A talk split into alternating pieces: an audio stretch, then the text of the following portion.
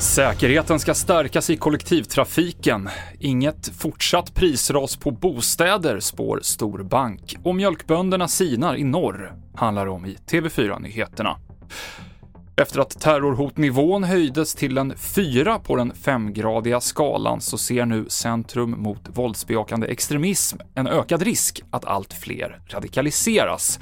Enligt Säpo är ett av de största terrorhoten just nu ensamagerande personer. Och det försämrade säkerhetsläget gör att regeringen nu vill stärka skyddet i kollektivtrafiken. Trafikverket och Transportstyrelsen får i uppdrag att föreslå vad som kan göras för att förbättra säkerheten. I Storbritannien så finns det krav på eh, förvaltare som är på området, stationsområdet, att ta kontroll på sin personal, att utbilda sin personal, exempelvis kafépersonal som arbetar på ett kafé på ett stationsområde. Redan nu har ju Trafikverket och Transportstyrelsen vidtagit åtgärder. Vi ser redan en, en ökad personell bemanning och andra vidtagna åtgärder för att öka skyddet. Så detta är en proaktiv åtgärd för att stärka skyddet ytterligare.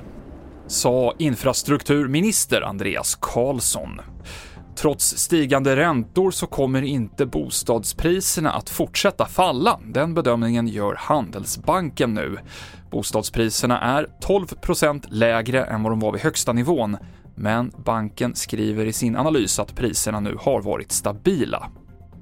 Och antalet mjölkbönder i Sverige har nästan halverats på 10 år och trenden är fortsatt neråt. Flest mjölkbönder har försvunnit i Norrland och snart stängs det nordligaste mejeriet ner av lönsamhetsskäl. Om trenden ska vändas behövs det åtgärder, säger Beatrice Ramnerö som är mjölkbonde i Älvsbyn se till att det blir enklare att genomföra generationsskiften så att de som vill börja och bli mjölkbönder också kan bli det. Eh, se till att den eh, regelbörda som vi har på oss idag förenklas. Sa Beatrice Ramnerö och det avslutar TV4-nyheterna med Mikael Klintevall i studion.